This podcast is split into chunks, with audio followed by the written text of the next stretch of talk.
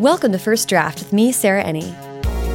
This is the last podcast of 2018, and I can't imagine a better way to round out the year than to share my conversation with YA legend Sarah Dessen, number one New York Times bestselling author of Once and For All, Just Listen, The Truth About Forever, and many more.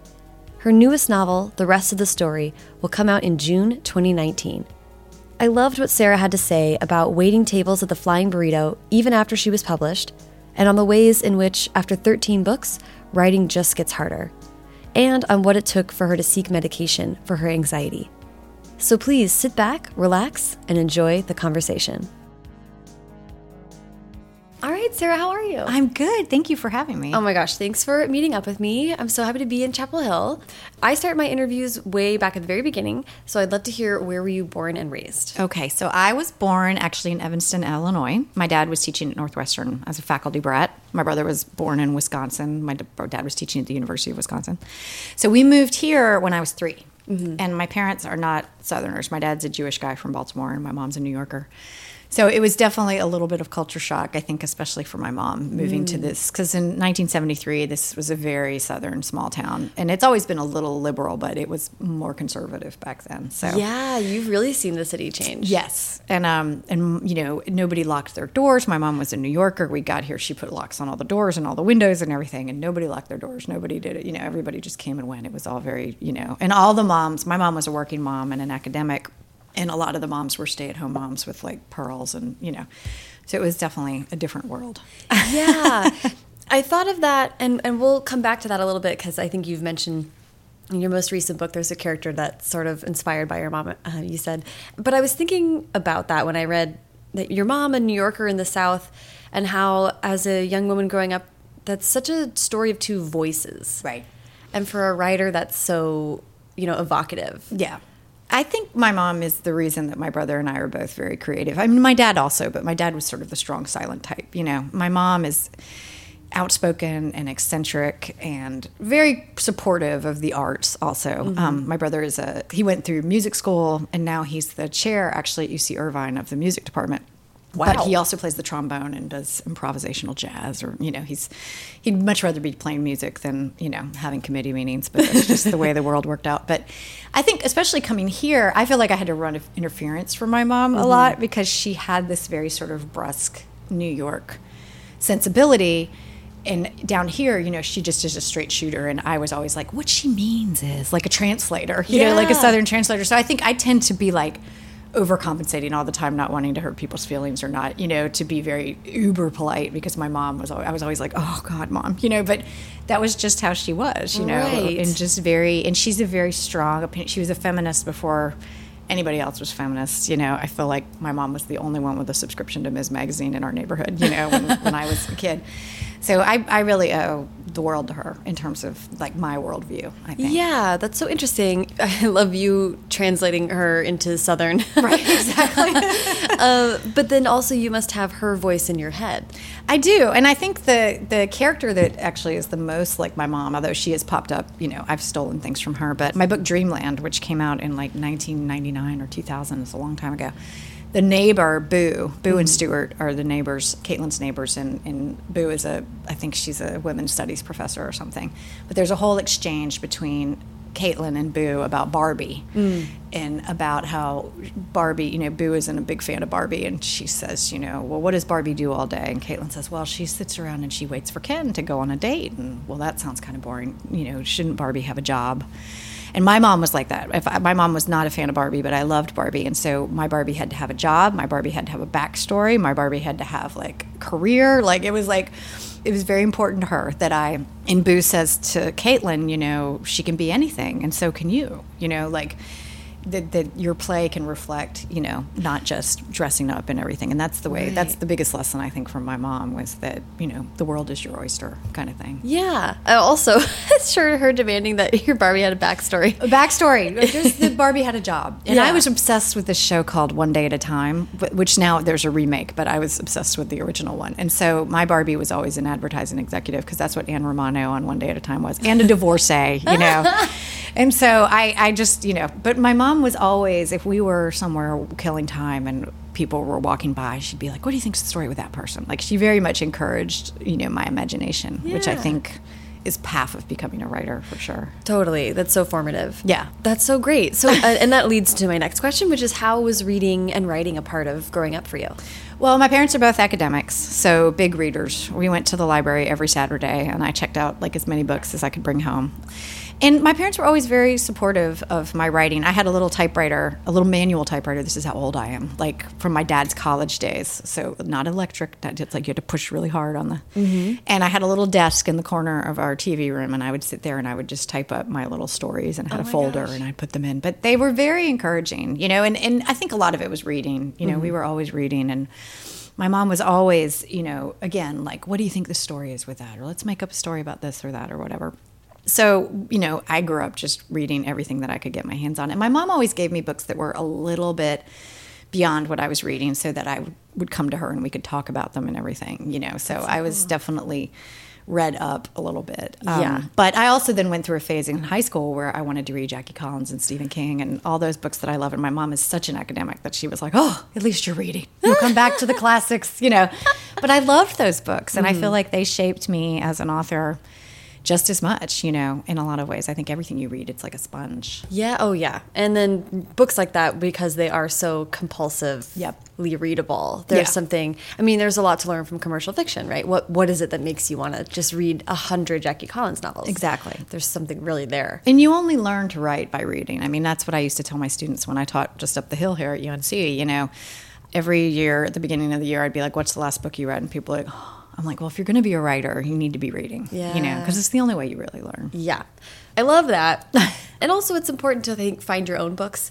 You know what I mean? Right. I read so many Mary Higgins Clark books. Oh my gosh. when I was way too young to be reading them. Right. But it was just that. It was just like what it, you know, and then of course that presages like Law and Order marathons or whatever. You know, it's the same kind of like Well, and when you find an author that you like, and then they have a huge volume of work like Mary Higgins Clark or like Stephen King or Jackie mm-hmm. Collins, it's so exciting, you Yeah. know, and then you can just binge on them and everything. So, it is the original binging. yeah, it is. It's the gateway drug. Yeah. For sure.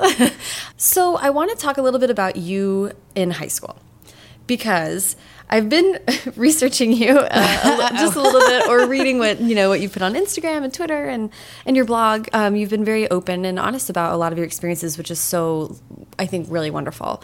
And I want to talk about there are many times where you reference yourself in high school. And I think you used the phrase "hot mess." Right. yeah, that's true. I want to I want to hear you talk about that time for you and what what it was like.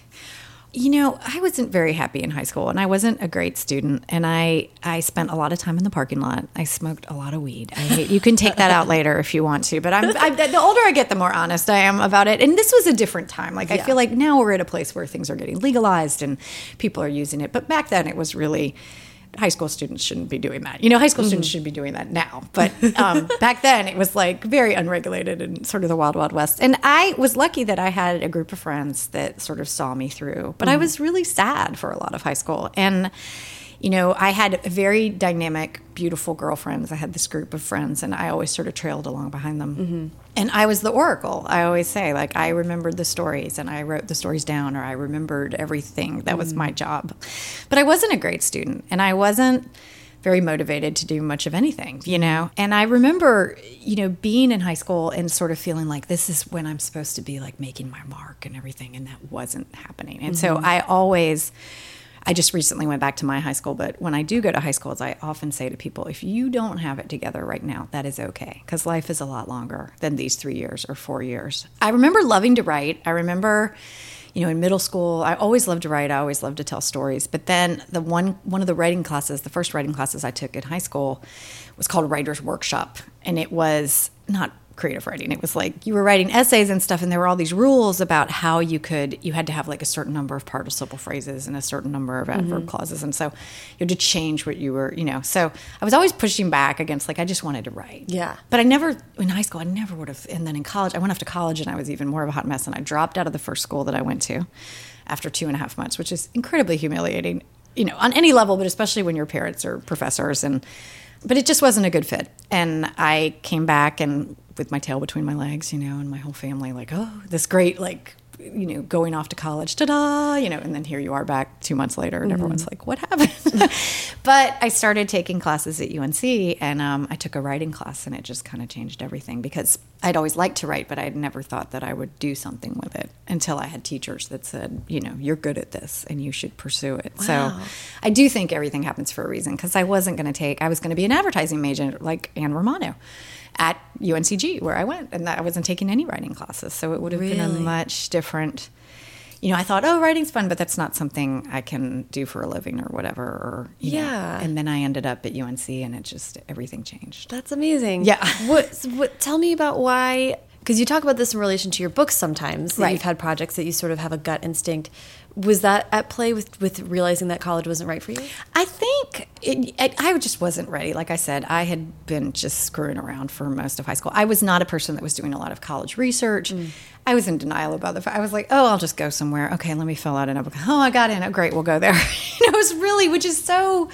Considering my parents are academics and stuff, I think I just had this whole like, ah, you know, attitude. I was in denial about growing up and you know leaving, and I think kids are so different now. People are more organized, and you start thinking about college in ninth grade now. You know, I mean, this was the '80s. It was definitely a little different. You know, Well, but also it's interesting to me. I mean, that seems like maybe a part of part of being blasé about something is being scared. Exactly. Right? Exactly. And, And I was not very homesick. You know, I was, I, this was sort of where I was from and where I belonged. And I just don't think I was ready, you know? And maybe if there had been other things, I had a boy that I had broken up with in high school who had just, we had just gotten back together. I went off to college, ended up marrying him. Um, but, you know, so that didn't help either, you know, like we were suddenly apart. But it wasn't, you know, I think if I had it to do over with what I have now, I would be like, you know, I'm going to go visit a few places and get a good feel for something. I just emotionally was not in a, a mature place in high mm-hmm. school. And I talk to high school students now, like my nephew has just graduated from high school in Irvine, California,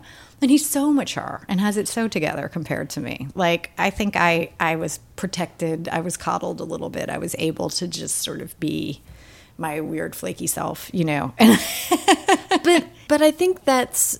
I, I guess the thing I'm pushing up against is I, I have a really good friend Maurene Goo who writes Why YA Contempt as well, mm-hmm. and she calls herself a slow developer. Right. You know what I mean? Like that she didn't have relationships in high school and she just grew up a little bit on her own timeline, Right. which is sort of not the timeline we allow anymore. Right. Right. And I think we as writers are just weird. You know, I mean, that's, and when you find your people, there was a great quote. I don't know if you were, how much you're on Twitter, but last night, uh, Alexander London had put something up about, you know, we, we, will invite you to our flotilla when we're, you know, like this whole thing. And I think it's true. It's like you find those people and you realize, oh my gosh, you know, like I, I have always felt a little out of step with everybody, but now I'm around these other writers. And most writers that I talk to, especially YA writers, did not enjoy high school. You know, I it's very rare to meet a high school, uh, you know, a YA writer that loved high school and is like rah rah. It was great. You know, Yeah. usually we're all working through something. you know? Totally. But then there's some people who, like my friend Melissa Walker, who I don't know if you know Melissa, but she grew up in Chapel Hill and she is writing more middle grade now than YA. But you know, she sort of embraced her senior year. We've done some interviews together where she was like, I just decided to get really involved in everything and just give it. And I'm like, oh, like, that's just totally not my mindset. But I think it's, I think we are. I think you don't write YA if you had, because you can close the door on that part of your experience and be like, I'm going to move on. And so most of us that are writing YA, I think, are working through various adolescent Right. issues still, or there's a part of us that still has one foot in that. Yeah, or like accessing. I talk a lot about that people have formative experiences. Then, Right. I mean, because you, like you mentioned, your husband you met in high school. Yes. So I think there's something to like having some experience that sort of jolts you at that time, or continuing to have relationships that are rooted from that time, so you remember that decisions and things that happen to you as a young person matter for the rest of your life. Right. And I'm never very far from my, I mean, I told you when we got here to this lovely hotel that I grew up literally right over there, you know, and my elementary school is right over there. And so I drive past my high school like at least once a week, if not more than that. So it's never far, you know. And, and granted, I think it would be bad if my husband and I were only spending time with people from high school. Like Right. most of our friends that we see on a regular basis are people we've met since. But it is nice. I mean, uh, my 30 year reunion is actually this Saturday at a hotel right over there. So, and I'm like, oh my God, you know, it's going to be crazy to go back. And I go back. I don't know why. I, I, go to the reunions. A lot of my friends won't go to any of the reunions. They have zero interest in seeing any of those people, you know. But there's, I think, this sort of sick fascination with me of like, it I is, need to go back yeah. because the, because I work in this realm, you know. So it's always interesting to see, you know, what happened to the people that you know you were so jealous of or you were so intimidated by and all that kind of yeah, thing. Yeah, it's fascinating. It's sort of the end of the story, or not the end, but the continuation. Yes, then yeah, the next uh, the next iteration, the, exactly. the, the saga. It's true. It's true.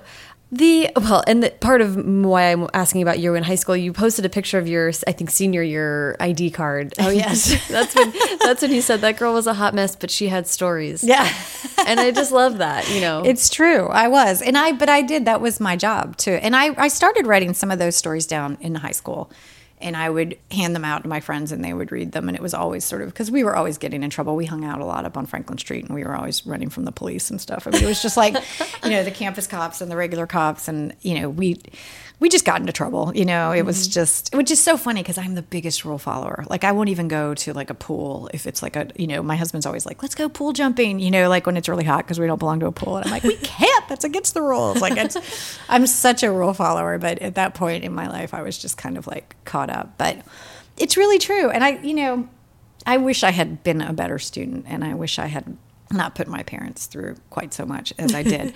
but they seem okay with it now, you know. And I, I do think it's all fodder and it's all, you know, it's gotten me to where I am. But they weren't happy, super happy years, especially senior year was really hard. And yeah. so, you know, I was more than ready to just get out and, and do something different with my life. I was the last person you would have thought would be still be thinking about high school. Like I always tell the story that I was sitting at the Dean Dome, which is our big coliseum or whatever basketball stadium and uh, we were the first class to graduate there, so it was like this really big. And and I just remember sitting there, and all these people around me were all nostalgic, and we're like, "Oh, it's over," you know, like.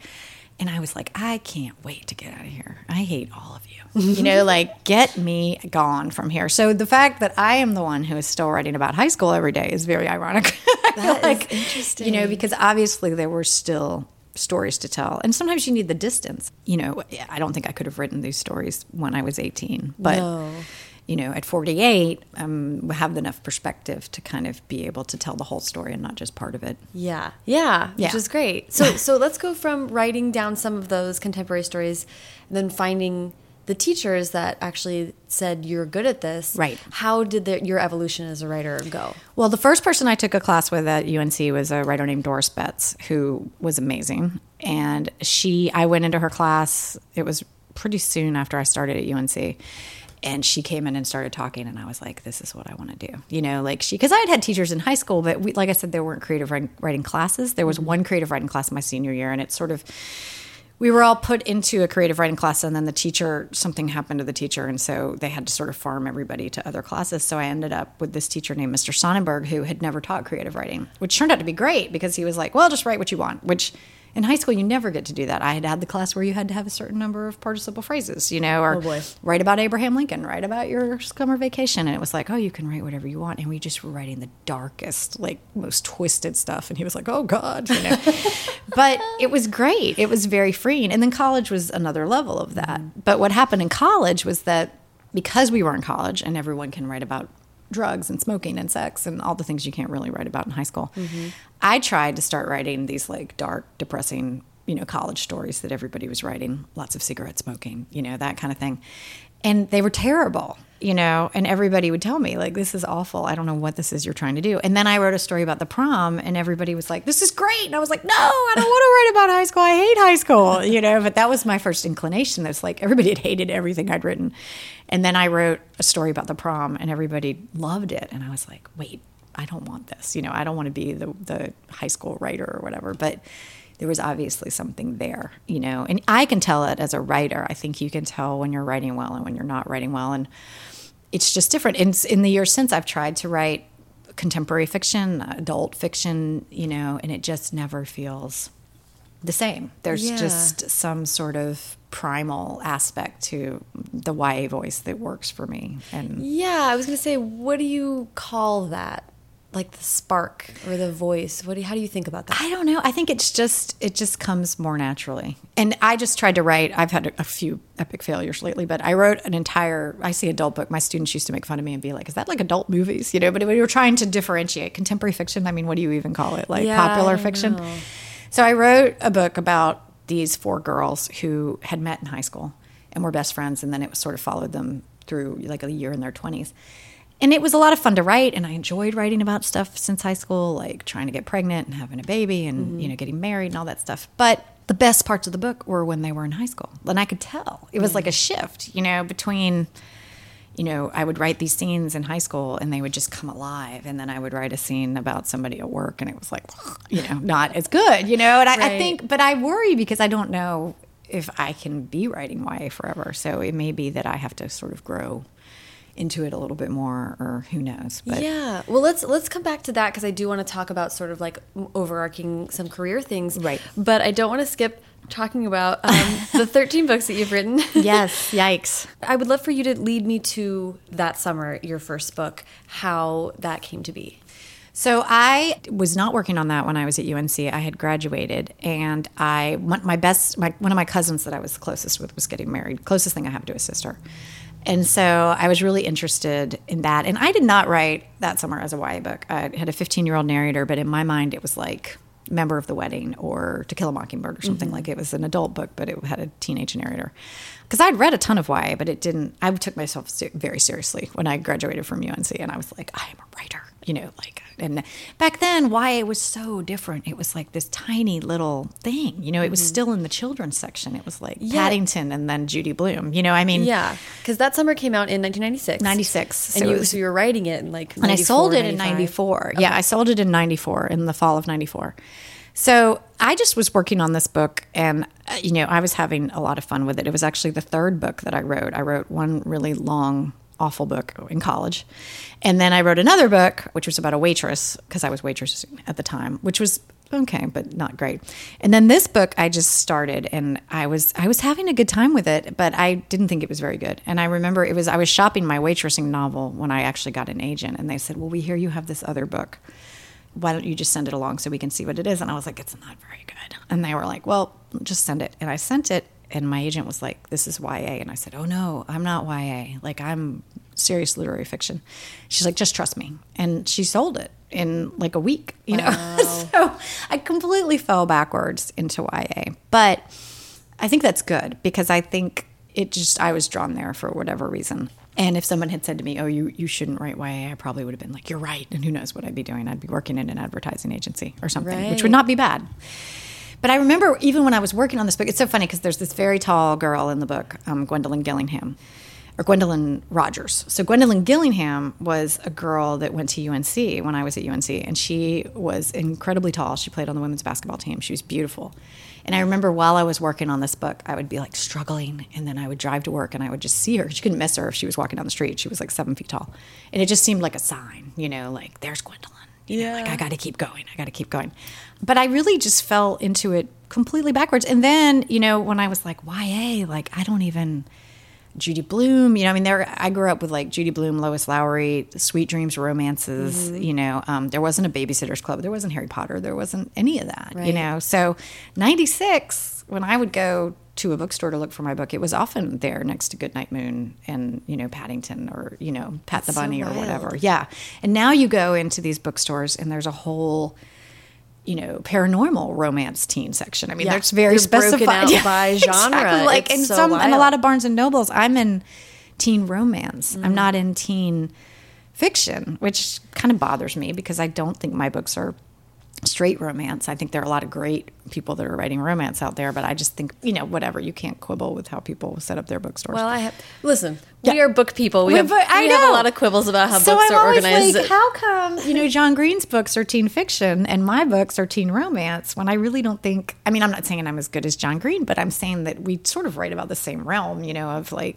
as soon as Barnes and Noble decides to say romance, it means something, and it comes along with a lot of Yeah. like gendered issues. Yeah. it's like probably maybe we shouldn't do that. We shouldn't do that. And the first time I went in and couldn't find my books at Barnes and Noble, I was like, "What is happening?" You know. And then I, I realized, oh my gosh, it's in this whole other section. But that is a fight that will just wear you down if you really start worrying about the marketing and and you know it's like how, what other people think of your books and everything that road is just exhausting so Well, that leads me to I love that you had the experience of having a book that you just wrote and being sort of then like sort of told after the fact like oh what you've written is YA Right. as opposed to saying like I'm going to write you know whatever some people see YA and are like I'll write a YA book and Right. that seems like a backwards way to go Yeah. so I like that you had the experience of like well actually what I the stories I'm telling and that I'm really good at telling appear to be in this category right so you have the first the first book comes out, it's very well received.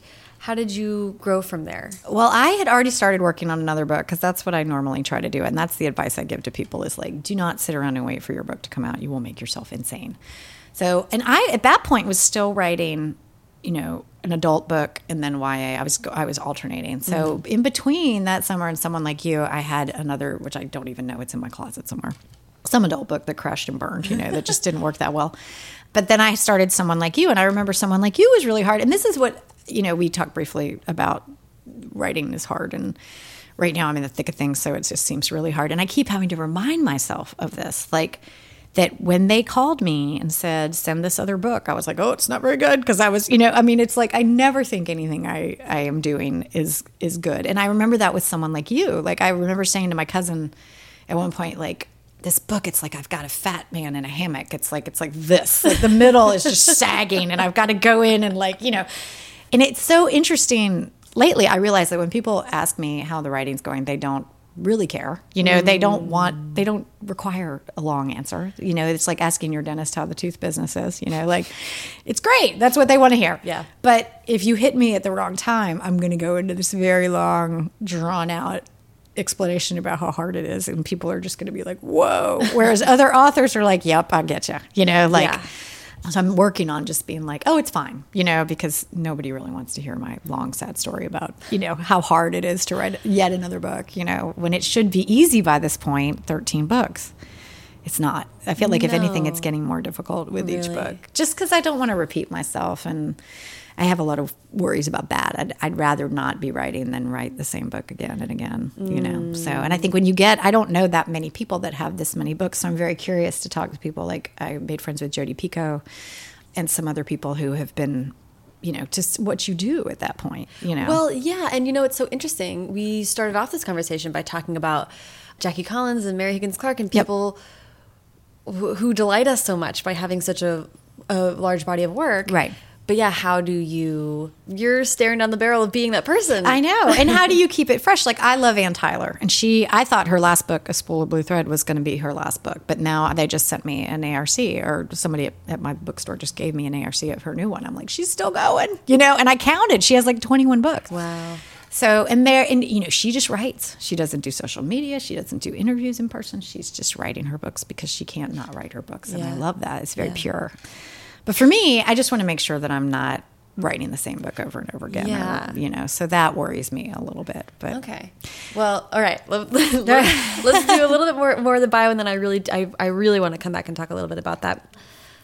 So, okay, before your first book came out, you had already been writing the uh, someone like you. Right. I think I'm mixing up the timeline a little bit. I think, but you had sort of. I mean, you had a lot of projects that were sort of already in the works a little bit. I did kind of. I mean, I the first four books came out in 96, 98, I think was Someone Like You, 99 and 2000. So it seems like and they were also shorter. If you actually put my books side by side, you will see that they just keep I need a lot more Get space. longer, to- longer. yes, to like explain myself. And I I see that with other authors too though.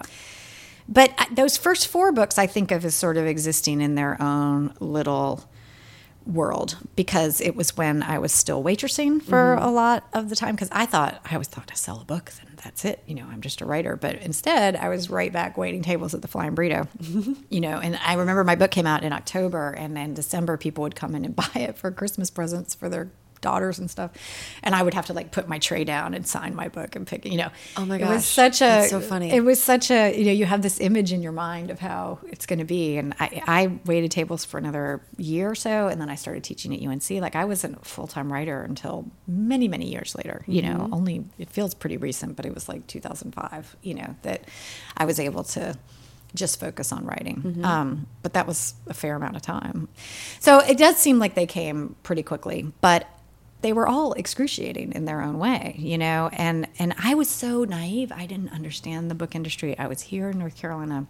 My mentor is Lee Smith, who was a, um, the mother of one of my high school friends, but also, you know, I'd grown up reading her books, and I worked for her as a personal assistant during the same period when I was waiting tables. And so she was great, and she I had sort of seen what what she was doing mm-hmm. but otherwise i didn't know you know? And i was just kind of just every day working and then going to the restaurant or teaching and you know i i didn't know what i was doing. And i think there's a there's a freedom to that also that you don't know the pitfalls. So you're just writing you know? I, I was i didn't worry about it as much as i do now. I think the more the bigger your mm-hmm. body of work you have to worry more about it. Yeah. Well, also, it seems like that's a rich time. I mean, waitressing is a great way to get Oh stories and meet Yeah. interesting characters. Yes, and you don't take any work home with you. I mean, it was the best job for a writer, better than teaching, because teaching I had to grade papers and I had to talk about writing all day. You know, it's like that worried me when I was teaching. It was like, oh, you know, I sit here all day berating my students about, you know, discipline, discipline, and then, you know, I got to go home and work, you know, but I, I did manage to keep it going. And I love teaching. I love my students. I didn't love office hours and committee work and all that kind of stuff. Yeah. So I was glad to give that up. But you know, I mean, it's always evolving. That's the thing. And mm-hmm. and I'm continually surprised that I am doing this and that somehow it's working. And I look at my you know, I think 13 books. How did that even happen? You know, it's it's crazy. Well, you are pretty prolific. I mean, you have 13 books out, and then recently you posted on, I think it was on Instagram, a picture of 11, 12 I think it was another 13, 12 or 13. manuscripts, and you said tho- those were all books that you've written that have not, have will not never. Yeah, and those are in my closet, and that includes my college, mm-hmm. you know, manuscript, the book, the waitressing book, and then all these others. Because, and then some of them are YA books that just didn't work. Um, because eventually I got to a point where I was like, okay, if I can decide between writing a book that I can probably sell and promote and in a book that you know my agent's going to say ah it'd be better if it was YA or whatever. So once I started just focusing on that it was a lot easier in some ways. But they're always challenging. I mean that's the thing. And I feel like you know it's just a different a different set of problems as you move upward you know or Yeah. onward and and you're trying to please people and and you have more people more voices in your ear and everything those days that I was writing when I was waiting tables nobody cared you know? Mm-hmm. i mean i was just doing it totally for myself. Nobody was asking me how the writing was going you know? I worked at a restaurant with all these people that were in bands and they all thought i was really cute with my writing like oh you're cute with your novel you know? So and then when i did and i had suddenly i had this new york agent who just scared the pants off of me. She still scares me. She's just so like to the point and i was always like ah, always crying because i was like hey, you're mean. I don't understand you. Like it was just such a weird to come from this world and then suddenly to be up in New York and publishing it. There's a learning curve to it, you know. Yeah.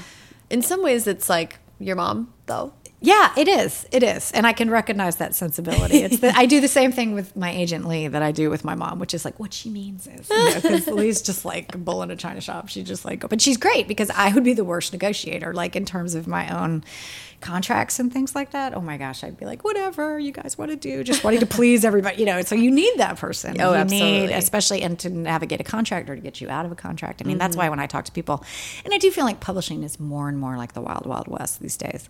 People are self publishing. I hear from people that say, I don't want to give an agent 15% of my money. Why would I do that? Well, I'll tell you why. Because I couldn't have gotten myself out of some of the contracts I was in, and I couldn't have negotiated with some of these people. You mm-hmm. know, it is worth it to have somebody that knows what they're doing. So I can mm-hmm. just focus on the writing, which is what I should be doing anyway. Yeah. Okay. I have one question about the students in school, and then I want to come back to a little bit of the talking about negotiating and Right. having and having moments. A lot of your characters, and I'm, I apologize. With 13 books, we just sort of like can't get into each. I one- know. Well, each one. believe me, I know. but we'll we'll hopefully do that in the future. But many of your characters are kind of dealing with being perfectionists Mm-hmm. or or sort of getting up the courage to try and take risks Right. and to, to sort of find the bravery to to fail and you had a quote at some in one of the interviews that you did about um, many of the students you saw when you were a teacher that a lot of the female students were uh, seeking you put it effortless perfection Yes. can you talk and little bit that about that? is a term actually that they came up with a Duke. It's not my term. But I remember reading about this study of these mostly girls, women, college students, in this pressure, this effortless perfection. You had to look great, you had to be incredibly good at school, you had to get along with everybody, be sweet, mm-hmm. you know, and this whole thing. And I saw it with my students because you know, teaching creative writing at the college level is difficult on any rate because people are used to getting grades and it's really hard to put a grade, like a number grade on a story. Like, how do you do that? So I would write comments, you know, I'd go through and edit the story and then I would write a fair amount of feedback. But people would just flip to the back and be like, where's the grade? Because mm that's all they cared about. And I don't blame them because there's so much pressure on them. All through high school, they're worried about getting to college. All through college, they're worried about their GPA and, yeah. you know, getting a career but it just stopped being fun because people were so focused on and i still had students that i thought were great and you mm-hmm. can always i taught intro creative writing which i thought was really fun because you just never know what you're going to get and it was a class that filled a requirement so i would have like accounting majors and you know people that were never going to write another story in their lives, you know, mm-hmm. but they came in, they wrote some short pieces, and then they wrote one short story and revised it, and they could say that they did that. And often the people that were not the best writers were really good critics, mm-hmm. you know, mm. or very good at reading or very good at, you know, commenting and stuff. So, you know, it, I, I feel like teaching helped me a lot for for that reason and that I I did have to walk the walk which was really good for me because I I couldn't go home and not do anything when right. I said but it was also being on the faculty at UNC you know I was a YA writer and most of the writers there are poets or southern lit so they didn't know what to do with me you know and I had a lot of stupid questions especially at the beginning like does your book have pictures? You know, is your book a pop up book? Like that kind of thing. Because I had a children's book publisher and I was like, no, it's a novel, no pictures. You know, wow. like, or is it about girls getting their periods? You know, like, because that's all people know, you know? And I'm like, who's going to write a whole book about somebody getting their period? That's so boring. Like, yeah. Nobody wants to read that. so it was, it was a little bit of a, I, maybe it would be different now because this was before we also had all these contemporary writers wanting to come over to YA, mm-hmm. in which you brought up earlier, like people saying, I think I'll write a YA book. So I'll just take the character I was going to write and make it a teenager. And I don't think it's that easy. Mm-hmm. I think the voice, I think you can tell when someone has done that. It's not as easy as just changing a few, you know, adjectives. Um, no, definitely not. It's not. And and I think in high school for me, I was trying to figure things out all the time. Mm-hmm. So usually the girls in my books are about to go through some change or in the midst of some big change that is then having a ripple effect and mm-hmm. changing many other things. And there's usually a perfectionist element because that was me also, mm-hmm. especially when I was in college because I had had so many chances. I know I dropped out of school and then I got back in, and my dad was like, "You got to get it right this time." So I pushed myself really hard in college, and I did really well, thank God. But I seem to go back and forth between like just not doing anything and doing way too much. You know, like I don't have a lot of gray area. Right, right. I'm either like so driven that it's like bad for me, or I'm just laying on the couch not doing anything. And there's really no. but moreover, recently it's been just driven, driven, driven. Yeah. Know? When I look at your the amount of work that you've produced in that period of time and then knowing that this is only half. You know you wrote twice as many books as you have published you know? Yeah. That's a lot of work. It is. And i think it's good that all the books that have not seen the light of day i think it's good that they didn't for various reasons. But i'm glad that i had them. And that day i put them out. I was actually cleaning out my garage and all of my you know, we had moved 15 years ago and I still had all these big bins of paper from college. And I was like, I got to get rid of this stuff. And it's a lot. I mean, I talked to so many people that are like, if I put six months into a book, I would publish it even if I didn't think, I mean, I would do anything I had to. And I'm like, yeah, but sometimes you just know, you know, like, mm-hmm. and thank God I've gotten to the point now where I don't have to finish the whole book. Right. You know, I mean, for years it was like I'd write the whole book and then be like, well, or sometimes I'd send it to my agent and say, maybe this isn't as bad as I think it is, or maybe she'll, and then we always had to have these really awkward conversations where it was like, mm, I don't think this is your next book, mm-hmm. you know.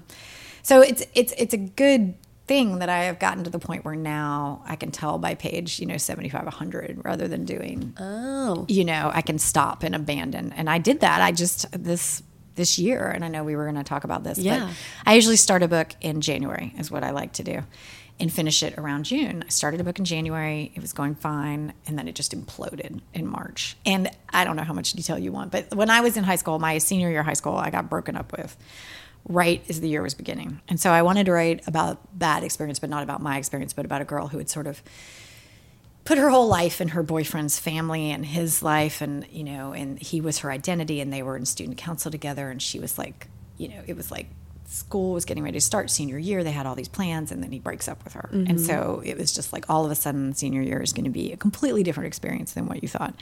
And it sounded great on paper but then as i started working on it i just couldn't get my feet under me. And i realized that when you're writing about a breakup early in the story like that you have to keep writing about it and have to process it. And i was like oh my god i already hate everybody in this book. You know like i don't want to hear about this breakup anymore. I want to smack this girl you know and we're all it's not good so i was like all right. And it was terrifying because it was march you know Yeah. and i was like oh my gosh i should be you know halfway through done with this book. And I, instead it's so i put it aside. And then we went to paris because my books were being published. I have a new french publisher. And so that was crazy to be over there. And everyone's what are you working on? How's it going? What's next? I'm like oh, nothing you know? Yeah. so then i came back and i started something new but i'm sort of behind schedule in terms of my timeline. So i feel like i'm scrambling a little bit right now Let's talk about your typical schedule, and then I want to hear about the red flags that you have learned to sort of listen to or Right. note. And then I want to hear a little, in a little bit more detail about pulling books back. Right. Because that is like a very it's not common to be able to talk about that kind of thing, but also I think it's really important to have people hear that this has happened and people haven't died, you know? what I yes mean? of course no um, you have to trust your gut Yeah. so let's start with the process because you make it sound so delightful and lovely. Like, well, you just start a book in January, you finish it in June, Yeah, and then I presume the rest of the year you bathe in your glory. No. Like, what does it really like? agonize about? Well, because okay, so Once and for All, which was my last book, it came out a year ago in June, but I'd finished it the previous June. You Okay. know, so I finished a book in June, comes out the next year, tour, blah blah blah. Then usually by the following December. That's just where I've fallen into. When I was writing these earlier books, I was not on that kind of schedule, but that's just how it's worked out. And um, but books fail. But normally, I haven't had one fail that I started in January. So this was the first.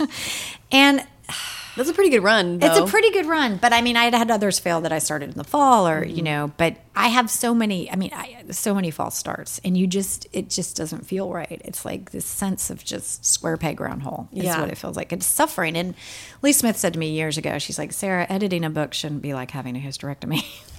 and neither should be writing a book. You know, like it shouldn't be that painful. Like, yes. And the first part should be fun because Mm-hmm. usually the first 50 pages or so is usually enjoyable because I haven't written in a while and it's all brand new and you're just having fun and you're back on the page and it's good. And that was not what was happening with Mm. this book. So that was a red flag. Like, I just was like, oh, I just don't care. And, oh, I got to write about her mother. What's that story?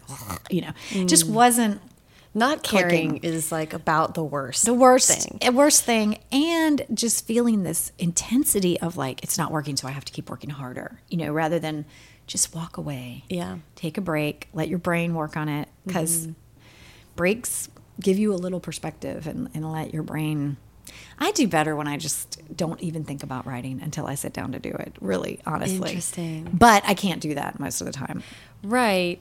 That's so that's so funny to know that about yourself though. yeah It's interesting to me that you sat down and you had this that concept. That sounds like a how I, I sort of begin with stories. Like Right. you have a, bit, a little bit of the girl, you know a little bit of the hook of what's going to happen in the story. Is that about all you have when you sit down in January? I I usually start with what I call my skeleton, which is first scene, climactic scene, last scene, first line. Mm-hmm. And so I knew that I wanted this book to be about this girl and everything sort of imploding at the beginning of senior year and then her finding her way and realizing that you know having a much different much better year than she would have and mm-hmm. maybe falling in love with someone that was totally unexpected and you know living her life in a much bigger way than she would have been in the shadow of this boyfriend who was the student council president and mm-hmm. she was like a political wife you know in a lot of ways Right. so it sounded good, but I could just tell when I got to a certain. And I can remember when it happened. I had a great writing day right before I went on this retreat. Great writing day, went on the retreat, was on the plane, which I never used to write on planes. I didn't write in hotels. I just, I had like my system and I just didn't write other than the way that I usually write. And I was so nervous that I just kept pushing, pushing, pushing. And that's when I can usually tell that it's excruciating. It's like, I felt so good when I said, I'm done Yeah. and I said I don't have to look at this book ever again. It was like huge weight off my shoulders. But then there's the wave of oh my god, well, what now? Because mm-hmm. Everyone's expecting you to hand in something, you know. by June. And here we are in March. And June isn't that far away, you know? so now what, you know? And do I just take a year? My husband's like, you don't have to have a book out every two years. Why don't you just do three years this time? I don't know. Because that's not what I do, you know? So right.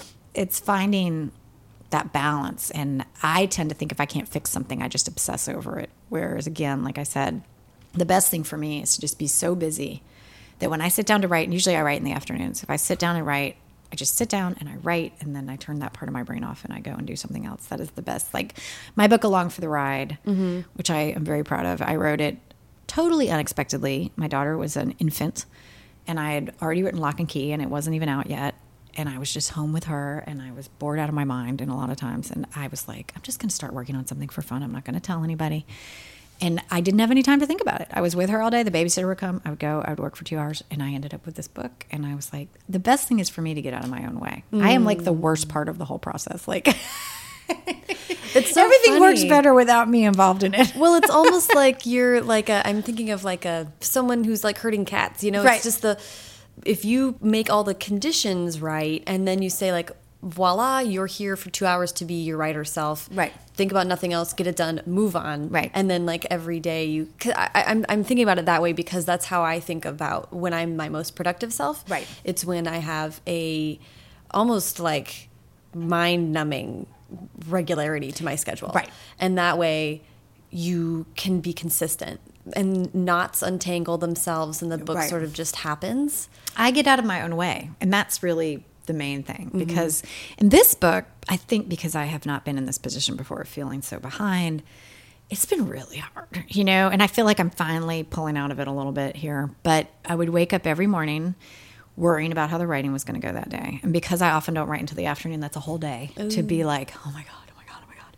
And then there's so much pressure by the time you sit down. It's like, Ooh. so I've actually started working a little bit in the morning just to sort of let a little steam escape from the valve, however Yeah. else to put it. Like Yeah. I wrote before I came here. I went to Starbucks. I wrote for 40 minutes and I was like, now I've convinced myself that I can do this today, you know, and now I'm going to think about it. But, uh, you know, something's done. But I don't know. I mean, it's, I feel like it's just getting harder. And I think that is because there is the expectation of readers and expectation of publishers and my own expectations of myself Yeah. and wanting the book to be good. I had somebody say to me years ago, I think it was after Dreamland, like, well, Sarah, you could write a book. This was somebody at my publishing company who's not there anymore, but they said, you know, Sarah, you could write a book that's not that good right now and it would be okay. And I was like, for who? You know, like for you? Like, you're not going to get the bad reviews, you know? I'm not going to half ass, excuse my language, you know, something just because it's easier for me. And if anything, this is the one thing that I don't, you know, like it's got to be good or else, Mm. you know, and I still worry. I still worry every time when I'm writing before the book comes out, you know, reviews. I don't read a lot of reviews anymore because that just makes you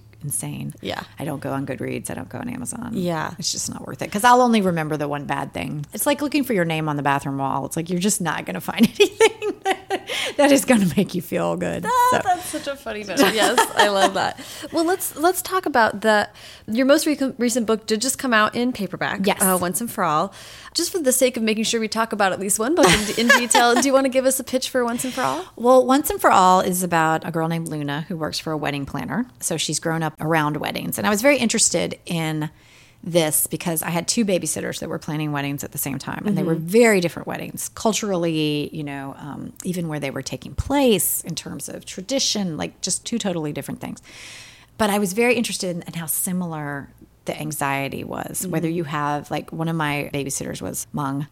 And so there were all these sort of traditions that there was like dowry there. I mean, they, there's a very specific Hmong wedding is like incredibly, you know, detailed and everything. And then my other babysitter was having sort of this big Southern wedding, but they had modernized, like instead of doing, um, when they did their unity candle, they did like a unity mimosa. So one of them poured like the champagne and then they each drank like That's stuff like that, you know. But they were so similar in that they were so worried about all the same things. And so I thought, if you were exposed to this all the time, like usually with a wedding, you're part of it and then it's over. But what if you lived in that world? Would it make you like more romantic or less? And I was thinking of my mom, who is such a cynic, and I was thinking, I think it would make you more cynical if you were around weddings all the time. And so then I sort of started thinking about, well, what if you fell in love yourself and you had an amazing experience and then that didn't end well? Mm-hmm. And that made you cynical also, and you're in this wedding world. So it was just, it was fun. And I think that at this point, 12 books, and at that point, 13 now, when I get an idea and I'm like, ooh, that would be fun. Or I haven't written something like that before. Oh, that would be like, I was just thinking, oh, writing all those wedding scenes will be super fun, mm-hmm. you know, mm-hmm. like just because people behave so badly at weddings. And, you know, I'm fascinated with that. And I think weddings bring out, it's like a truth serum. It just brings out everybody's real personality, you know, and you're all crammed together for one weekend. And, so I just knew that that was going to be fun. But one thing that's interesting about Once and For All, and this goes back to me saying that I went to Paris. So there's a school shooting in Once and For All. And when I was doing all of the press here, it really didn't come up all that much. Mm-hmm. It was like, oh, well, there's the shoes, you know. But when I was in France, it was like the number one question. Like, we're so interested in this. Because to them, it's not something that happens over there. Whereas we're so sort of used to it, sadly, mm-hmm. you know. Mm-hmm. And I think for high school kids, it's just part of being in school now is this fear constantly. So that was really interesting to me, too. And that, I think that was a benefit of doing international promotion because I was like, oh, you know. Totally. But I had such a good experience with Once and For All that it was terrifying to start another book. Not that the writing was hard, but you know, it debuted at number one and it, you know, it did really well. So that's also hard to follow up. Well, yeah. First of all, I did think it was hilarious. I was looking back at your books and being like, you know, there's a lot of weddings. Oh, yes. Actually. Yeah. Um, well, that summer start is all about weddings, you know, which is the first book. And then this last one was also very wedding. And yeah, this lullaby has. Yep. To me, there's a lot of wedding when I think about that book. And it was funny because I, I was just talking the other day to a friend and I was like, yeah, YA, there's very few uh, chances for weddings to happen. And then Morgan Matson's book came out, and yes. then I was like looking at all these. Morgan I and like, I think we should do like a, a wedding themed thing together. That would, be, would be hilarious. So oh my god, I would love that. But they are such weddings are like you're saying such like emotional catalyst, inherently interesting moments. Yeah. Uh, so it's fun to see that get worked into YA, even though it doesn't have to be a main character getting married. You know. Yeah, and we worried about that too with the marketing that it's like you know, we're not encouraging teenage girls to get married by any means, but this sense of, I think, you know, I, I, look at my daughter when she goes to weddings at 10, it's like a fairy tale. You know, I mean, I think it's like throughout your life, weddings are sort of demarcated by where your head was at at that time. It's like, oh, it's totally. a fairy tale. The bride's like a princess. And if you're going through a divorce, you're like, oh, this is also stupid. You know, like, yeah, totally. not that I've gone through a divorce, but, you know. But that, so that is that Once and For All did debut number one, New York yes. Times you know, it's it's almost like I know it must be hard for you to conceptualize because you're in it, but this career scope and thinking going forward about what you want to explore. And I mean, you talked about trying to write something that was for an adult audience and it not feeling right. So you just sort of have this scope that you're really good at. I don't know. Yeah, it's tricky. And I wonder too, like with my daughter, she's reading middle a lot of middle grade now, but she's a pretty, you know, she likes to read up like I did. And I, I, said to somebody recently, I was like, that might be what kicks me out of YA. Is like, as a teenager, I would have hated if my mom thought that she could speak for me and my friends, mm. you know? Mm. And I've had a lot of people say, well, you should write middle grade, you know? And I'm like, ah, just, I think that's, again, it's so specialized. You have to have that. And I, I so admire people that jump around through these genres and are able to do all these different things. I feel like maybe I'm a one trick pony, like, this is what I can do. But you know it's also like how when when can you stop? When is it okay to just i mean financially i need to make a living obviously but also i don't want to look back and have regrets and publish books that i'm not happy with which i'm you know glad i haven't done over mm-hmm. the years. I've pulled books which we talked about which seems crazy you know. A few years after i was desperate for a publisher you know i'm saying no i don't think i want to sell you this book. Sorry. That was huge yeah know? but well, well can we let's I'm like, I know we are jumping all over no, a little okay. bit, but it's okay. That's me. I jump all over. it's fun. It's this is all just so interesting to hear. So I would love to hear you. You wrote a blog post in 2013 about this experience of right. having, but I'd love to just hear you describe. Well, what I've I've pulled a couple, but the first one I pulled was right before I wrote this lullaby, and I always say this, this lullaby was the best writing experience I've ever had. It was like going to a party every day, and that was because I'd taken a big break before I had written another YA. So this was after Dreamland and I had written another YA and I had sent it off and everybody liked it, but I just didn't. I just didn't feel good about it. And I remember being on the phone with my editor at the time, and she I had a piece of paper and I was writing down everything she was saying and flipping pages, and I just stopped writing. I was like, I just don't want to do this. It was like this is this gut feeling like this just doesn't feel and it was huge because like I said a few years earlier I was desperate to get published Yeah. and I had written this whole book and everybody else liked it but I was like and so I went to see my friend Lee Smith and she said Sarah don't mess it up she used another word which is very gen- Lee's very genteel and southern so for her to use that word is hilarious but she was like you know you have authors that you love and you read all their books and then you read one book and you're like what the hell is this and I'll tell you, it's they did it for money. They did it because they were scared. They did it because they owed a book and they just needed to finish the contract. Don't do that. She's like, go borrow money from your parents if you have to, but don't do that. And so I did. I, I pulled the book and I was still teaching. And I was like, well, I guess I'll just see what happens. And I ended up writing this lullaby, which I think was sort of when I started to hit my stride because it was like this lullaby, Truth About Forever, Just Listen were sort of the sweet spot, you know, of those three were kind of where it started to, and then Lock and Key, you know, that was when I kind of got to be well known. And this lullaby, again, it wouldn't have come, you know, it might have been a totally different book, uh, you know, I don't even know, but I just started, it started to bubble up and I had fun writing it. So I'd never, regretted that. But that was the first time because I had a book coming out every year before that, and I was like, maybe it'll be two years. Maybe that's okay. Right. You know. Well, and it's interesting to hear you be able to try. Like, there's so many reasons why this is such a educational conversation to have with someone who has a career arc like you do. That you have those first, I think, four or so books. Yeah, four books out, and then you have that. You follow your gut. It was a very brave thing to say, like, listen, guys, like everyone was on board, and you were the one who was like, I mean, were you like, I'm sending the check back? I mean, it's all very. I don't think I'd even gotten a check yet. I think we hadn't signed the contracts yet. I think, but they had all read it, and it had been passed around, and that was the preliminary conversation that I had with my editor. Sort of when you realize, make sure you're on the same page Yeah. before you get an editorial letter, and you know, and, and especially because I had spent all this time trying to get published, and here I am with a publisher. Anybody would give anything for that. You have Right. a publisher that is offering you a contract. You know, why wouldn't you take it? You know, and I talked. That was the first time I had that experience of talking to other writers that were like, if I had a book that I'd worked on and and somebody wanted it, I would sell it. I wouldn't even think twice about it. You know. And I just thought, well, that's just me, you know. Like I've always been like, well, I'm just nuts, you know. But but it's it's worked out, you Yeah. know? And I think I, it would be very hard to go out and promote a book that I didn't feel good about and You're to talk about stuck it with it for. forever. And again, it's my name on the book. It's not the person who said, "Well, you can write a book that's not great." You know, it's my name. People are saying, "Oh, Sarah Dessen disappointed us," or "All Mm-hmm. her books are the same." And you get, but that's again, if you start listening to all that stuff, you'll make yourself nuts anyway. Yeah. I mean, I did that with The Moon and More, which I feel like is, I don't want to say it's my least successful book, but it was, it was one that sort of I had a lot of momentum, and then it came out, and because it wasn't a traditional love story some people got bent out of shape and didn't like mm. it as much. And I remember people saying before I wrote that book, being on Twitter, oh, Sarah Dessen's books are exactly the same. You know, they have the same arc. I wish she'd do something different. So I was like, fine. So I wrote this book that was different, and then people were like, it's not like the other ones. I want it. You know, so I, that was the last time I started listening to people. I'm like, okay, That's- but I have to be okay with it. Like Right. I, I still love that book. I love Emaline. I love her story. You know, maybe it wasn't everybody else's cup of tea, but that's different than me thinking it's not good and publishing it anyway. You know, it's different if it just wasn't the typical Sarah Dessen romance that Yeah. that people were expecting. Right. Right. That's so that's so interesting. yeah, people think they know what they want. They think Um, they do, and then they. But it's very easy to be on the internet and say, "Well, what you should do is to somebody else who then has to go do it." You know, Yeah. we all want to be that person that's like, "Oh, well, what? Here's where you fix it." Oh, okay. Right. Yeah. Right. But you have the the experience of, of pulling that book and then that's so so interesting how you frame the the next three books kind of like kicking your career into another gear, right? Like Yep. sort of elevating to another level.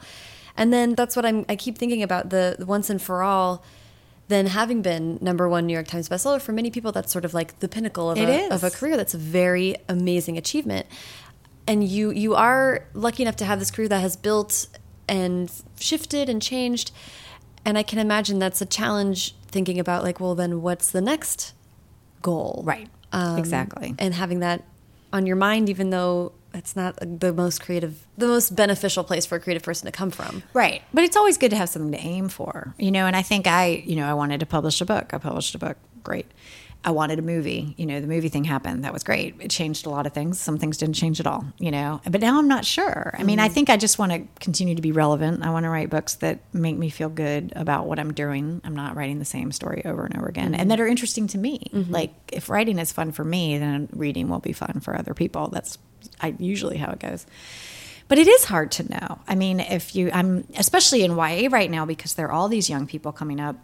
They're having their first book is a major feature film, you know, or a number one bestseller, or you know, they they are having such success right out of the gate, which is not what happened. I didn't even hit the bestseller list until my seventh book, you know. So I had been doing this for a really long time, and back then it was like you didn't expect to hit the list with your first book by any means. You know, Mm-hmm. you didn't have that kind of support behind you. And now, if you don't, I feel bad for these people because they feel like they failed. You know, if they don't hit the list with their book, and it's like the list is so hard to crack, and you know, uh, so I- I feel lucky that I came up when I did because it was sort of everything was new and different and changing. Well, I think I mean that's part of why I'm enjoying this conversation so much is that I think there we sort of lost the thread in YA of conceiving of this as a career. Right.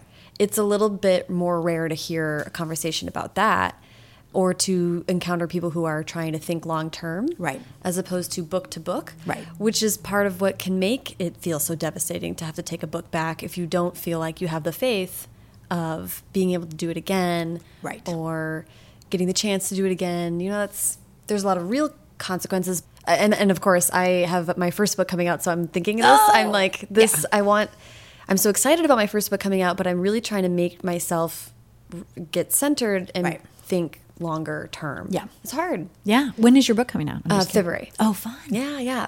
So I'm super excited, but I'm I'm. It's terrifying. It's so terrifying, and I'm as soon as I'm done with this bit of traveling, I'm going home, and I told my mom, I'm like, I'm grounded, Right. and I have to write the next thing. I have to have something in my back pocket. It's good to get something else started because Yeah. then it just takes the pressure off of you. I mm-hmm. think, you know, it's smart to just go ahead and have something else you're working on because you get to a certain, you can't do anything else with a book that's coming out in February. I mean, you're probably done. Maybe you've done copy editing and all that Y- stuff. yeah, Yeah, everything's done for the most part. So what do you do? You sit around and obsess about it or you just throw that into something else. But then there are the people that are just constantly writing and just, you know, so prolific. I think of myself, my, my contemporary fiction friends are like, oh my God, you write so much every two years. That's nuts, you know. But in YA, I'm actually seen as kind of slow, you know, these days.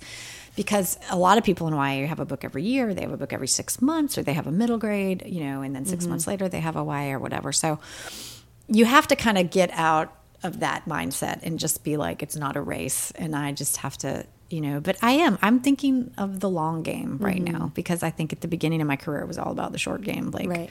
i want a publishing contract. I want a number one bestseller or i want a bestseller period. You know i want to be able to write full time and not have to teach anymore.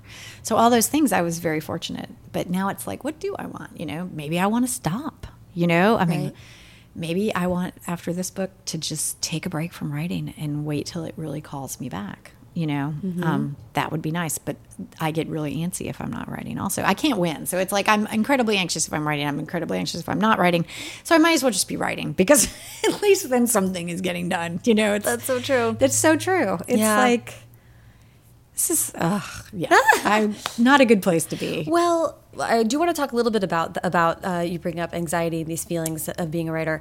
I want to talk about both your mentor Mm-hmm. uh, and how that relationship has worked in your creative life, and also you reference several times therapy. Yes, I'm thank God. also in therapy and Yes. a huge proponent of it. So I would love to hear about those two kind of how those two ways of processing your mental state right. work. Well, I think it's helpful to be around other writers, as I said. I think that, you know, if you're just, my husband's a contractor, most of my friends are not in the arts at all.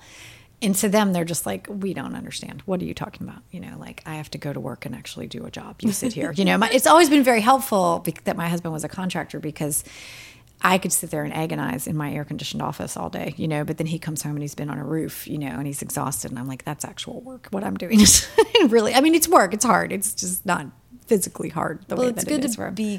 To, I'm always seeking more context.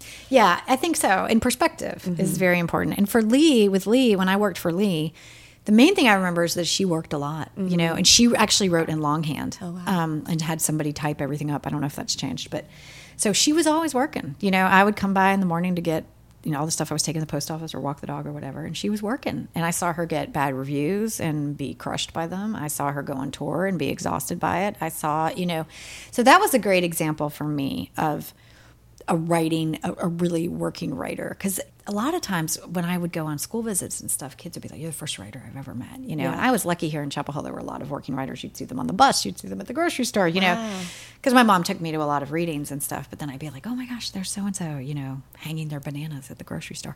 So it was like a real life, you know. But therapy's good for me. And again, I, I hate spending my whole therapy session talking about my writing process. My poor shrink. I think she's like, but, but I was also another reason I was really unhappy in high school is I was very anxious. Mm. I had a lot of anxiety and I had a lot of sadness. And I was somebody who would have benefited from medication a long time before I got on it. Long time. I was afraid to travel. I didn't go anywhere. I didn't fly for a few years. I mean, it became this like thing mm.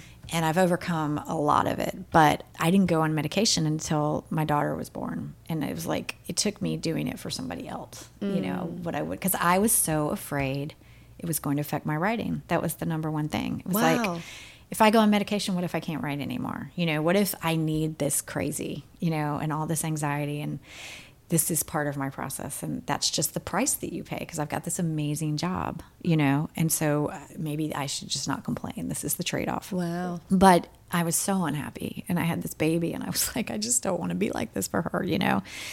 And it was fine. I mean, I, I went on medication just so people know right before I rode along for the ride, I think. It's just been better, you know. And I think, you know, therapy, it's just good to have somebody to bounce things off of who is not, you know, intrinsically related to you and, Yeah. you know, emotionally affected by by you.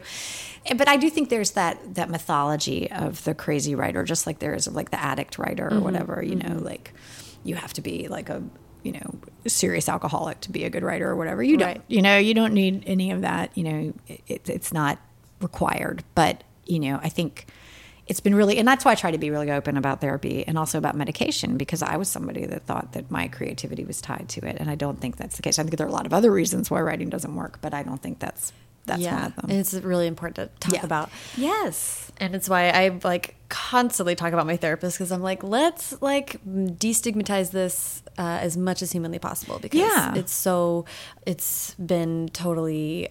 For me, talk therapy is like enough Yeah. um, to manage my whatever anxiety or whatever brain stuff I have. But it's like at least a good starting point for a lot of people, I think. I think it is. And I think that you can't underestimate, especially if you have a job where you are in your own head so much to have a safe space to just let everything out. I mean, that's the other thing is writing can be very isolating, um, which is another thing I like about Twitter. But you know, it's just me and the computer, you Yeah. know, and and so that's the thing. I, I as much as we were talking earlier, I was like, "Oh, this is such a nice hotel. I'm going to rent a room and come here and just be by myself and write." But I would go crazy if I wrote for that long by myself. I need the domestic interruptions and all that because I just don't. I literally have about two hours of writing a day in me. That's it. Yeah. And when I talk to people who write for five hours, eight hours, all day, every day, I'm like, I can't do that. You know, like I have two hours. After the two hours is done, it's like this faucet just dries up. There's nothing else there. Yeah. So, It's funny that you say the time. I usually then when I get to my best frame of mind for it, I'm like about 2000 words. Right. And I don't do by words. Okay. But I've started to because I'm just curious. Yeah. So I, when I go on retreats and people are like, let's do a thousand word sprint or something.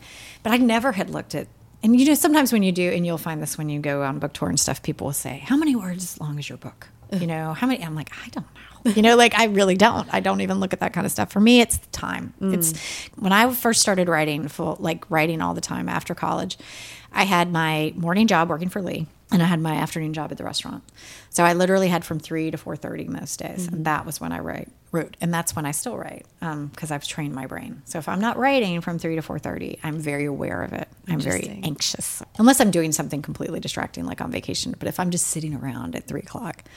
It's like I just want to jump out of my skin because there's mm-hmm. that part of my brain that I've trained because the discipline is such a big part of it. I mean, I I was not the best writer by any stretch in my class at Carolina, my final class. There were people there that could write sentences that would make you cry, but they could never finish anything. You know, I mean, the discipline is a big part of it, Yeah. um, as we know. So you can be a, the best writer in the world, but if you can't finish anything, you're not going to be published. So, I, so for me, I think it's almost it's almost like erring on the side of too much discipline. Sometimes it's like, Right. my husband's like, most people take a day off a week. You know, it's really hard for me to even take a weekend day off. Wow. But I need to because it's better for everybody if I do. Right. Well, I'm really I'm I'm very drawn to because I think I'm relating to you're talking about all on or all off. Right. And then you sort of have the January to June, and then you sort of like it sounds like the back half of the year is a lot of other stuff. a lot of other stuff. It's usually editing, and Yeah. usually I start another book, you know, which doesn't work usually, but it just keeps me busy, you Right. know, and keeps me out of trouble, which is always a good thing. Right. But I always think I don't want to be like I'll have so much time, and I, it'll be great when I'm not writing. But then I just get, you know, there's only so much Bravo I can watch, you know, and only so much I can organize my house, you know. Yeah, yeah. Before I'm like, oh, you know, I need something else to do. Right. So, Yeah, but it's a little bit like the the on and off. I also think in extremes, and I'm like black and white is how my mind works in some ways. And listen, this is like comes up in therapy all the time. Yeah. But being all on or all off makes sense to me. Right. I don't know. It's like another structure thing. Yeah. And I think I think too with the writing and promotion, it's like the publishing world has changed a lot. Like you you're expected to do social media, you're expected to do a certain amount. If you're lucky enough that they're going to pay for you to go on tour, you want to do that, you know. But it is two different sides of the coin. Just because you're a good writer doesn't mean you're good at getting up in front of people, you know. But I think that it's exhausting in its own way. You Yeah. know? And I can't write while I'm promoting something. I know a lot of people that you know, are on book tour and then they'll go back to the hotel and work. And I'm like, oh God, I've never done that. Like, no, like I, that's all I have. It's like a right brain, left brain, or closed door, open door. You know, it's like I wrote the book and now I got to work on mm-hmm. promoting the book. And people think I'm a real extrovert because I'm talkative, but I actually am not. I mean, I like to be quiet and to be alone. I'm a Gemini, so I feel like it's both sides, you know. Same. Yes. When's your birthday? June fifteenth. I'm June 6th. Ah. Oh, you just had a birthday. I So did. So did you. um, but I do think that that's always been the case with me. It's like I'm really talkative and I'm really on, and then I just don't want anyone to speak to me for like forever. Yeah. Well, and that's sort of what we're, what I guess what I, there, you're being more eloquent about what I'm kind of getting at is like, that is how I feel about my process too. It's on or off, Right. yes or no. Taking a break for a month or writing every single day and Right. having that, that really rigid schedule. I'm not good at halfway. Well, and you have to figure out what works for you. I remember there was a great quote in college that I read somewhere that said, There are three rules to writing the novel. Unfortunately, nobody knows what they are, you know? And it's true because mm-hmm. everybody does it differently. You know, there are people, I know people that can only write in the morning, people that can only write in the afternoon, or people that, like you said, I'll take, you know, a month off and then I'll just work my butt off. It's like I am every day, I am the little slug pushing the rock up the hill, you know, like every day, just, go, you know, going along, hoping, you know, to Yeah. somehow get there. But you figure out what works for you and then you do it. But I'm always curious. So I'm always the first person at every reading that I go to for somebody else to be like, what's your writing process like? Because I'm thinking maybe somebody can give me some kind of tip that will help me. well, it always it's always interesting to know, and it's always interesting to have. Sometimes when something's not working, you just want to try Yes. something else. You can try on somebody else's process. Right. It doesn't work for this reason. It, even if it doesn't work for you, you learn why. Yep. All those things are useful. And, and I think that's what I love about the writing community. And I don't think I could be one of these writers that gets together in LA or New York and they all sit around a table and write together. I can't even write with myself half the time. So I don't think I could do that. But I do like when I go to these conferences or retreats or whatever to just have someone who gets it, you mm-hmm. know? And it's like, oh my God, I know. It's so mm-hmm. hard, you know? Yeah. Well, we usually wrap up with advice. You've given so much amazing advice. I do. Why don't we wrap up with just like, tell me a little bit about what you're working on now or how it's going right now, Oh, God. and then then we can like check in in the future. Well, I never talk about things when I'm working on. I can't tell you anything other than I'm just working. But it's mm-hmm. going better than it was. And I think it's one of those things that it's going to end up being good to be writing in the summer because honestly in the summer a lot of times I have too much time on my hands and I think it's it's going to be okay. I really do. I didn't feel that way about a month ago. I was like, I don't know how this is going to go, but it, it's feeling like I might, you know, be making a little bit of progress. But it's still really early days too. But I'm, I'm hopeful. And I think every time I've had to change the way that I do this, whether it was setting the book aside or my daughter being born, it's always been good in the long term. You know, um, maybe you're just not meant to do it exactly the same way for, you know, book after book after book. Totally. And you're talking about wanting to keep it fresh. Yes. For yourself. And it's funny that you uh, that writing in the summer is unusual for you because your books are so summery. I know. I usually, but that's because I'm usually writing them in the winter when Right. I'm craving the summer. Like I hate winter, and especially February is like my worst month, and so that's when I'm usually immersed in writing about summer. You know, That's so funny. is during that period of time. But you know, and I have as far as like again, like we were talking about, sort of like what's the next goal? Like I want to write another good book, obviously. I would love to see another one of my books made into something. I would love for one of my books that's already published to sort of go off and have a life of its own. that I could then follow and not feel like I had to keep writing book after book after book, that I could just sort of let something else take over for a little Mm-hmm. while. That would be nice. But I think I'd still go crazy. I think I'd be really, you know, You'd be on the set of do. something, writing something different. I would because I can't. I can't be bored. I, I just, my mother and I have this in common. If we don't have enough to do, we get depressed. So, and we know it. So Yeah. it's like it's finding that balance between taking on way too much, which makes you really flustered, but having enough going on so you're not in your own head more than you need to be. I am very relating to that yes, feeling. it's yes. true, and I've seen my mom struggle with it, so I'm I'm I'm aware of it. It's like writing is kind of I, I think lately I've been working on accepting my writing anxiety as just a person that's just following me around and Mm. I can't get rid of them, you know, and they're just going to be there. So I might as well just make peace with it and be like, okay, Just a shadow. have a sit. You know, we're gonna we're gonna do our best today and you know move forward. But That's so interesting. We I was listening to an interview with Linda Holmes, who is an NPR reporter, on actually a podcast called The Hilarious World of Depression. right now, Which was wow, I'm gonna look into that. Very interesting, and, and the guy was a great interviewer. But she was talking about when before she was medicated, she was having that she had the feeling that she was trapped in a house with her anxious brain, mm. and logical brain was on the outside knocking, you know, yelling through the window, and Right. she could. It was still there, but she just couldn't be with logical brain. She was with anxious brain, Right. and she said the medication allowed that to be reversed. Yeah. So now anxious brain is still there. It still craves her attention. It's still saying what it's saying, but she is hunkered down Right. with logic brain. And I thought that was a great visual. Yeah. For how how you can coexist with, like you're saying, something following you around. It's yeah, good and it's visualize. making peace with the uncomfortableness too, which is something I talk about in therapy a lot. Is like if something feels bad, I want it to stop. You know, Mm. if if if I'm stressed out about something, if you ask me to do something, if you say you have a month, I'll do it that afternoon because I just don't want it hanging over my head. So that's so it's hard for me. To, again, having this big open ended project for months is really really hard for me because I like for things to be done. So that's part of the anxiety and just having to make peace with that. Okay, you know, like every day I'm going to have this unfinished piece of business that's just hanging until it's done. Mm-hmm. I've done this before. And to remind myself, I've been here before. It's going to be okay. You know, Yeah. like it always, it works out one way or the other. How does it? It's like Shakespeare in Love. How does it? I don't know. It's a mystery, but Right. it just does.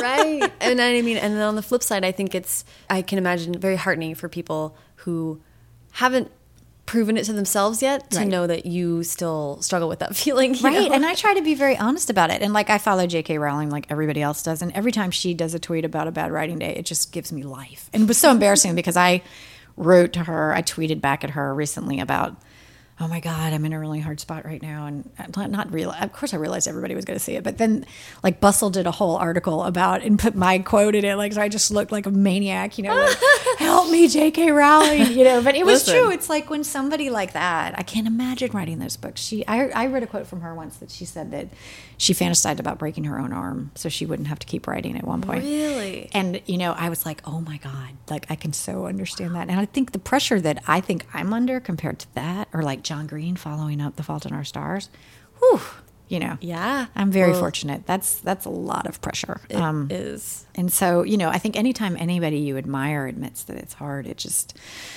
makes you feel better. So I try to be really open because I always hate it when I go to readings and stuff and I ask people and they're like, oh, the muse sings. And I just, you know, blah, blah, blah. I don't, I don't believe that at all. Yeah. You know, Harlan Coben said recently, don't envy confident writers because they're usually the worst writers. You know, like people that are really confident in their writing process are usually not very good writers. Usually the best writers are, you know, it, falling to bits and pieces on a regular basis. That's why mm-hmm. there are people. You know? Yeah, it's true. That's It's why we need each other. It's a good community. We're really lucky to have each other. Yeah, it's pretty good. Yeah. Well, Sarah Dessen, this has been such a joy. Thank you for taking all this time to chat with me. Thank you for having me. This was great. Thank you so much to Sarah. Follow her on Twitter at Sarah Dessen and Instagram at S Dessen. And follow me on both at Sarah Enni and the show at First Draft Pod. There are links to everything Sarah and I talked about in this episode in the show notes. To find the show notes, go to firstdraftpod.com. Scroll down just a little bit, you'll see the link to Sarah's episode, and voila, tons of helpful links. While you're there, you can sign up for my newsletter. That is the best way to hear about fun things happening around the release of Tell Me Everything, my debut YA novel, which comes out February 26th. There's going to be giveaways and a bunch of cool stuff, so Trust me, you want to be in the know. And in every month's newsletter, I also have podcast recommendations, book recommendations, and a bunch of other fun stuff. So don't miss out. Sign up for the newsletter at firstdraftpod.com or at sarahenni.com. If you like what you heard today, please subscribe to the podcast on Apple Podcasts or the app of your choice, and leave a rating or review on iTunes.